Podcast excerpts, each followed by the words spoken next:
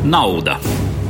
Tā kas makā, kas zeķē, kas kontā un kas prātā. Nauda kā varas, talanta un labklājības mērs, nauda kā līdzeklis un nauda kā mērķis. Nauda laiku lokos. Finanšu vēsture plašākā ekonomiskā, politiskā un kultūras kontekstā sarunās ar Eduāru Liniņu. Katra mēneša pēdējā trešdienā. Raidījums top sadarbībā ar Latvijas Banku. Labdien, cienījamie klausītāji! Šodien mēs pievēršamies ekonomikas vēsturei laika posmā pēc Pirmā pasaules kara, un mans sarunbiedrs šodien studijā ir ekonomikas vēsturnieks, Latvijas Universitātes biznesa vadības un ekonomikas fakultātes profesors Viesturs Pauls Karnups. Labdien! Labdien! Vispirms es gribētu jūs lūgt iezīmēt ekonomikas situāciju Eiropā Pirmā pasaules kara priekšvakarā Pirms Pirmā pasaules kara Eiropā, it īpaši, bet arī visā pasaulē, bija ekonomiskā attīstība tāda, kad viņi nekad nebija iepriekš redzējuši. Galvenokārt balstoties īpaši Eiropā uz kolonijām, bet bija vairāk instrumenti, kas palīdzēja šo globālo ekonomiku darboties. Viens bija tas saucamais zelta standarts, kur visi nacionālie valūti tika piefiksēti zeltā. Un zelts faktiski bija galvenais līdzeklis, ar ko pasaules tirdzniecība notikās. Respektīvi, stabila, augoša ekonomika visā pasaulē. Droši vien mums arī ir jāpalūkojas uz to, kā tad pirms Pirmā pasaules kara bija attīstītas atsevišķas Eiropas daļas, jo, kā mēs zinām, teiksim, Lielbritānija bija Eiropas ekonomikas līderis kopš 19. gadsimta pirmās puses, bet, protams, tai bija spēcīgi konkurenti.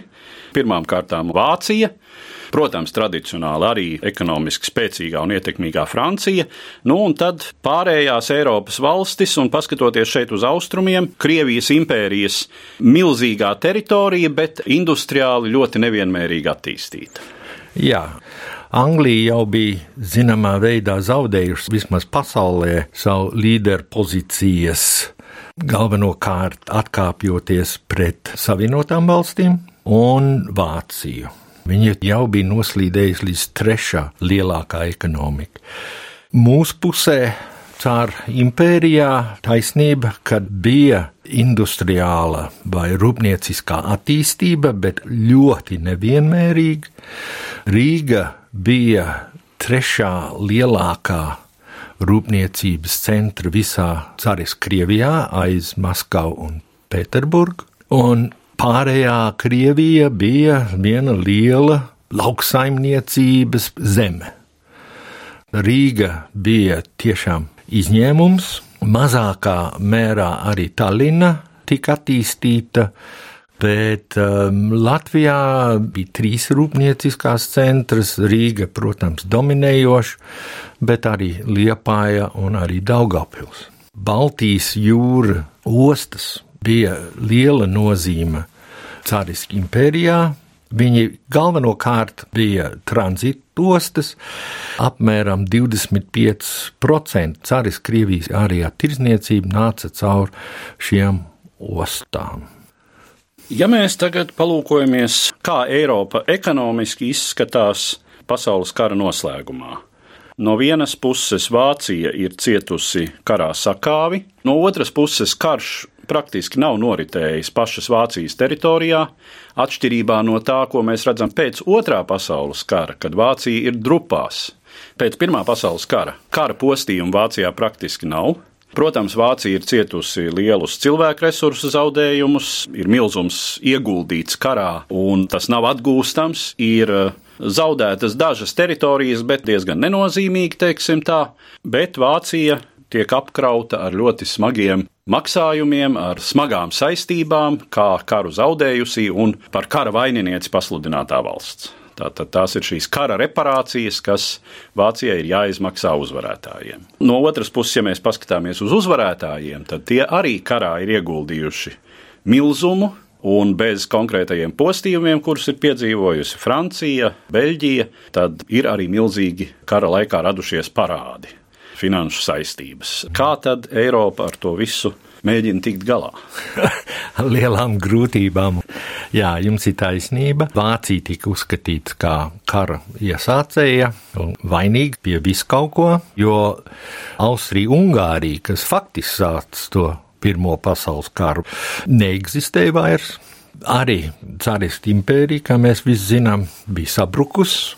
Tagad bija bolševiki pie varas Krievijā, un tāpēc Francija it īpaši jo viņa no rietumiem bija visvairāk cietusi, gribēja uzlikt uz Vāciju milzīgu sodu, un tāpēc reparācijas, kas bija apmēram trīs gadu pirms kara Vācijas IKP vērts. Problēma, protams, bija, kad Vācija arī bija savas iekšējās problēmas. Bija sacelšanas, kas bija saistīta ar bolševikiem, bija tie, kas uzskatīja, ka viņi īsti nebija zaudējuši karu, kad politiķi kaut kādā veidā bija viņus apmānījuši. Bet viņi zaudēja teritorijas, viņi zaudēja visas savas kolonijas, viņi zaudēja gandrīz visu tirzniecības flotu. Pārējās valsts, viņiem bija problēma, jo kara laikā zelta standarts tika atcelts, viņiem bija milzīgas inflācijas, jo šis bija pirmais, kā var teikt, totālais karš. Un rūpnieciskais karš, kur visa valsts ir iesaistīta darbībā, tas prasīja milzīgos līdzekļus. Un Amerika, kas bija pirms kara debitoru valsts, kļuva par kreditoru valsti, jo viņa bija aizdevusi naudu gan Anglijai, gan Francijai, gan Cāris Krievijai, un bija problēma par kara parādiem un reparācijām. Vācieši 23. gadā viņu finanses un naudas sistēma sabruka, viņiem bija miljardiem punktiem inflācija, kas ir vienkārši hiperinflācija. Vienīgā veida, kā tikt no tā vaļā, bija īpaša komisija, ko vadīja viens amerikānis, viņš ievadīja to saucamo dozu plēnu, kas nostabilizēja vācu finanses, jo Amerika atteicās atlaist tos karu parādus. Ne tikai atteicās atlaist, bet vajag arī maksāt procentus. Komercija ir komercija, biznesa ir biznesa. Tad Anglija un Francija teica, mēs maksāsim, ja Vācija maksās reparācijas. Tas Dose plan galvenokārt amerikāņi aizdeva Vācijai naudu, lai viņi var savu maksājumu bilanci izlīdzināt, un sākt atkal maksāt reparācijas. Kad viņi sāk maksāt reparācijas, tad Francija, Anglija sāk maksāt kara parāds Amerikā, un bija šis trīsstūrs - nauda no Amerikas uz Vāciju, no Vācijas uz Angliju un atpakaļ uz Ameriku.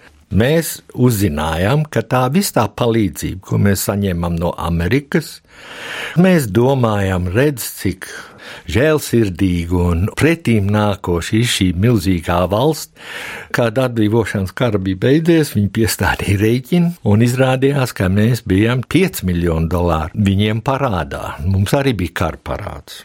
Latvija pret to protestēja, bet tur nekā nevarēja darīt tad mēs sākam arī lēnām atmaksāt šos parādus. Vienīgā valsts visā Eiropā, kas atmaksāja savu Amerikas parādu, bija Somija. Nu, mēs jau esam tikuši līdz Latvijai, un paskatoties uz Latvijas tā brīža situāciju un salīdzinot ar to, kas bija pirms Pirmā pasaules kara, mums tūlīt ir jāsaka divas lietas. Kā no Latvijas industrijas kara darbības rezultātā nekas praktiski nebija palicis pāri. Mēs zinām par rūpnīcu evakuāciju no Rīgas un pārējām industriālajām pilsētām, no kuras atgriezās procentuāli zināms skaits cilvēku, bet no ražošanas, no tehnoloģiskajām jaudām, nu praktiski nekas. Otrs ir, protams, Latvijas ģeopolitiskā situācija, kas ir radikāli mainījusies. Nerunājot par to, ka jauna valsts, protams, ar savām robežām, bet arī tie ekonomiskie sakari, kas radīja pirms Pirmā pasaules kara Latvijas, nu varētu teikt, ekonomikas brīnumu. Tātad šis lielais izrāviens Rīgai pirmām kārtām. Tas bija beidzies un nebija atjaunojams, jo vienā pusē bija padomju Krievija kuras ekonomiskie sakari ar Eiropu bija sevišķi tūlīt pēc kara visai problemātiski. Neviens īsti negribēja vai katrā ziņā nezināja, kā veidot sakarus ar šo jauno bolševistisko valsti. Un no otras puses bija Vācija, kuras ekonomisko situāciju mēs arī jau konstatējām. Kā Latvija meklēja savu vietu jaunajā Eiropas ekonomikas kārtībā? Protams, Latvija no austrumu Eiropas valsts gandrīz bija visvairāk izpostīta, bet Latvija griezās uz lauksaimniecību. Īpaši divas produktus. Galvenais bija koksne, un otrs bija linija. Uz šo pamatu mēģināja atjaunot un paplašināt lauksaimniecību. Bija daži, kas mēģināja atjaunot rūpniecību, bet ne tādā plašumā un tik apjomīgi, kā bija pirms Pirmā pasaules kara, kad bija fabrikas ar desmit tūkstošu strādniekiem. Tādi vairāk nebija. Tātad visi kārti, ja grib tā teikt, tika uzlikts uz lauksaimniecību. Protams, mums bija tā nelaima, ka vairāk kā pusi no visas lauksaimniecības derīga zeme piederēja vācu baroniem, un tāpēc mums notika agrāra reforma, kad zeme tika atņemta Man patīk, ka neviens neteica nacionalizācija, bet viņi sauc ekspropriācija. Tā tas arī bija. Jā, un tad tā zeme tika sadalīta jaunsaimniekiem.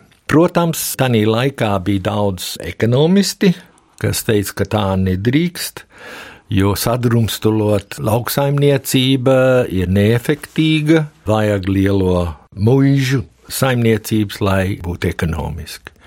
Bet izrādījās, ka faktiski šī agrāra reforma spēja 1925. gadā jau ražot tikpat daudz lauksaimniecības produktus, kā bija pirms kara.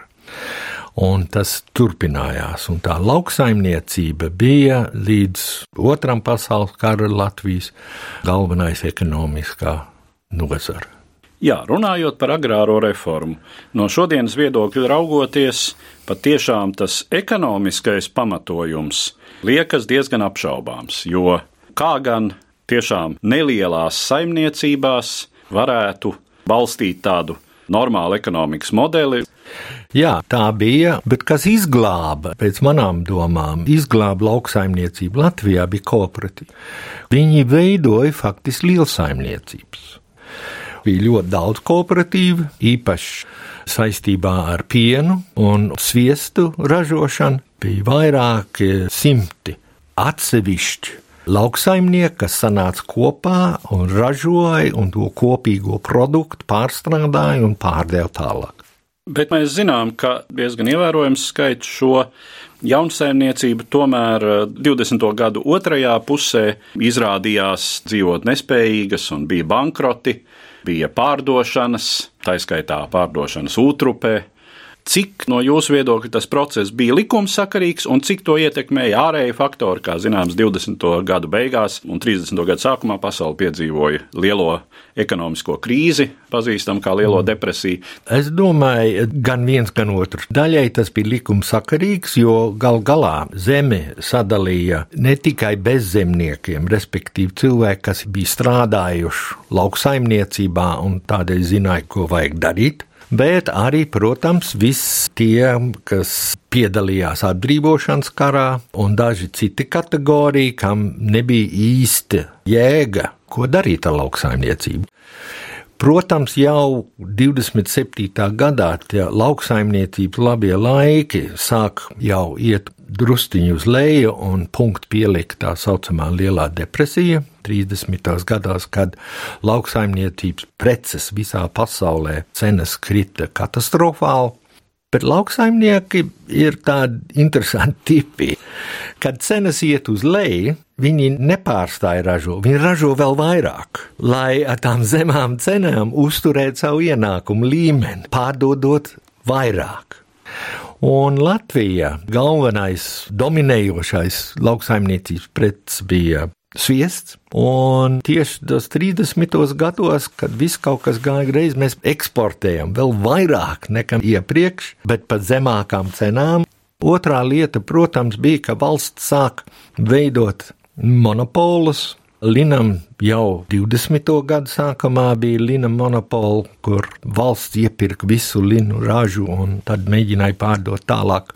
30. gados atbalstīja graudu audzēšana, jo 20. gados mēs importējam. Mēs importējam kviešus, mēs importējam rudzus, un valsts tad sāk to subsidēt. Un 30. gada sākumā mēs jau vairāk neimportējam ne kviešus, ne rudzus, ne kādus citus pārtiks graudus.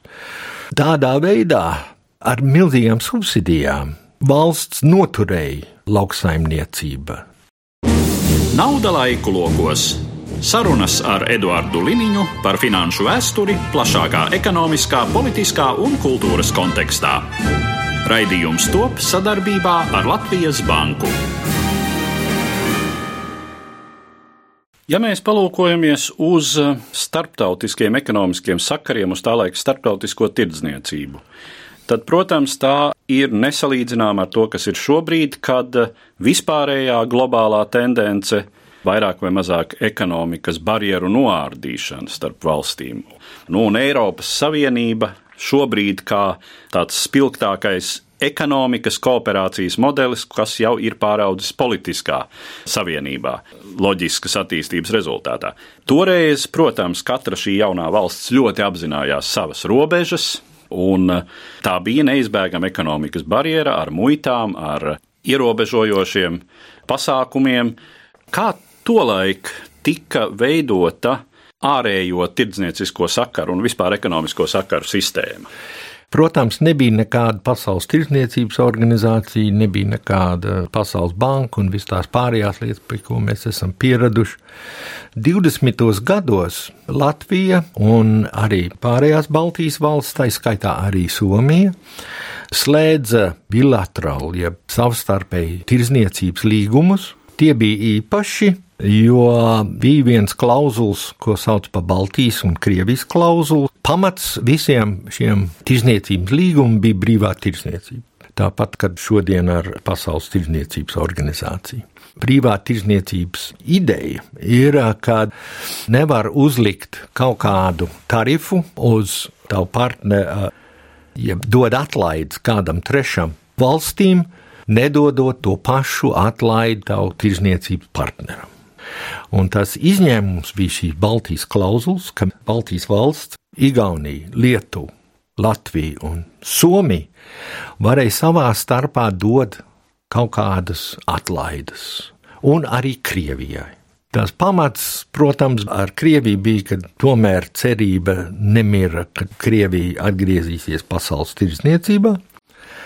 Ar lielo depresiju, protams, tāpēc, ka nebija Pasaules banka un viss pārējās starptautiskās valūtas fonda un citi, tad katras valsts ķepuroja kā varēja, uzlika milzīgs tarifs uz importiem, un daži arī devalvēja savu nacionālo valūtu, lai varētu vairāk eksportēt. Protams, visi bija aizmirsuši, ka to, ko tu eksportē, ir kāda cita cilvēka imports, un ja viņš liek barjeras uz importu, tas īsti nedarbojās. 31. gadā, kad Anglija devalvēja un aizgāja no viena tāda izkropļoto zelta standarta, kas bija ievests 20. gados, devalvēja par 40%. Latvija, piemēram, nesekoja. Skandināva valsts sekoja, tā izskaitā Somija, Igaunija sekoja 33. gadā, un mēs tikai sekojam devalvējām par 40% 36. gadā. Līdz tam laikam, starp 31. un 36. gadu, mēs turējāmies pie veco valūtas paritāti, un tas nozīmē, ka mūsu eksporta preces bija dārgas. Salīdzinot ar, teiksim, Igauniju vai Skandināvu. Jo mēs vispār devām gandrīz to pašu lauksaimniecības preci. Tas iegriez mums drusciņi. Tā otrā lieta, kas bija raksturīga gan Skandināviem, gan Baltijas valstīm, bija, ka mums principā bija divi tirzniecības partneri - Vācija un Lielbritānija. Piemēram, 37. gadā 70% no Latvijas tirzniecība, imports un eksports gāja uz šitiem divām valstīm. Un tas nozīmē vissliktākā scenārija, ko mēs varējām iedomāties no ārējā tirzniecības, būtu, ja šitie divi savā starpā sāktu karu. Kas, protams, arī notikās. Bet no tā mēs nevarējām zināmā veidā izbēgt, jo mēs bijām agrāra valsts, 60% no mūsu iedzīvotājiem bija saistīts ar lauksaimniecību, mums bija augoša rūpniecība, bet vajadzētu vēl kādu desmit gadu, pirms tas varētu būt tādā līmenī, kad viņš pārsteigtu lauksaimniecību. Bet mums tie desmit gadi nebija. Es gribētu jūs lūgt šajā brīdī mazliet tā populāri paskaidrot ekonomikas pamatus. Ja mēs runājam par turēšanos pie zelta standarta, tātad valūtas piesaisti konkrētam zelta daudzumam un atteikšanos no tā. Kādi ir tie argumenti par un pret? Latvijas gadījumā mēs varētu ilustrēt šo vispārējo valūtas un finanšu politikas mehānismu. Tanī laikā visi valūti bija fiksēti. 25. gadā Anglija aizgāja atpakaļ uz zelta standartu, un gandrīz visas valsts kas darbojas pasaules tirzniecībā, visi gāja uz to zelta standārtu. Viņš nebija tas pats, kas bija pirms Pirmā pasaules kara, bet tomēr visi valsti savu nacionālo valūtu bija piesaistījuši pie zelta. Latvijas lats bija vērts vienu zeltu franku. Jā, un uz Latvijas naudas zīmēm, ja mēs tās apskatām, tad katrā ziņā uz 500 latu naudas zīmes ir drukāts, ka pret šo naudas zīmi Latvijas banka izsniedz tik un tik gramus zelta. Zeltu. Jā. Un tas ir kas tas zelta standarts nozīmē. Pirms kara bija daudz vieglāk, jo apgrozībā bija zelta monēti. Pēc Pirmā pasaules kara tas vairāk nebija, bet tas princips vēl pieturējās. Un tad, kad Anglija devalvēja, Latvijas bankai tās rezerves, uz ko balstās nacionālā valūta, bija 80% citu valstu valūtu, kas savukārt arī balstās uz zelta. Un tas bija galvenokārt britu sterlinga mārciņa un amerikas dolāri. Un tikai 20% bija tieši zeltā. Kad Anglija devalvēja, Latvijas banka zaudēja gandrīz 2,5 miljonu latu vērtība savās rezervēs. Un tad tas jautājums bija, vai mēs sekosim. Lēmums tika pieņemts, lai nesekot, un galvenokārt, kā tas tiek izskaidrots, ir, ka bija bailes no valūtu hausa un inflācija. Viņi, protams, izbeidz izmaksāt pret banknotēm zeltu, bet noturēja to zelta paritātu. Tagad sākās politiskās izmaiņas Latvijā, Ulmans nāca pie varas. Cilvēki domāja, ka ja mēs turēsim pie tā zelta tādu lielāku prestīžu un kaut kādā veidā, un tas bija viena no Ulmaņa solījumiem, ka nekādās devalvācijas nebūs. Viņš pat tāds žurnāls ekonomists, es esmu redzējis arhīvos vienu ziņu no ēķa, kas bija finanses ministrs galvenam redaktoram, kad nedrīkst rakstīt neko par devalvāciju šī žurnālā, lai nesamaitātu cilvēku prātu. Viņi apjēdzās 35. gadā, kad viņiem bija rokas uz visu ekonomiskiem kloķiem, un viņi apjēdzās, ka šī tā nevar bet viņi tomēr turējās, jo Eiropā bija viena tāda maza grupiņa, ko vadīja Francija, kas arī turējās pie zelta paritāta. Francija, Šveice, bet tad Franči nevarēja izturēt. 36. gadā viņi arī devalvēja, un tad mums bija ne devalvācija, nekad. Mums bija naudas reformas, un mēs devalvējām par 40%. Vēl viens jautājums ir investīcija piesaiste. Faktiski, ja mēs domājam par atjaunotās Latvijas pēdējo desmitgažu ekonomiku, tad tas ir tāds leitmotīvs, ka sekmīgi funkcionējošai ekonomikai ārzemju investīcijas ir veiksmes ķīla. Kam pretī reizēm izskan citi argumenti, ka jo vairāk ārvalstu kapitāla, jo mazāk mēs esam neatkarīgi un būtībā esam pārdevušies kaut kādiem, šobrīd jau tās ir globālās struktūras. Tātad tā brīža idejiskais noskaņojums šai ziņā un konkrētā politika. 20. gados nebija nekāda šķēršļa ārzemniekiem investēt Latvijā.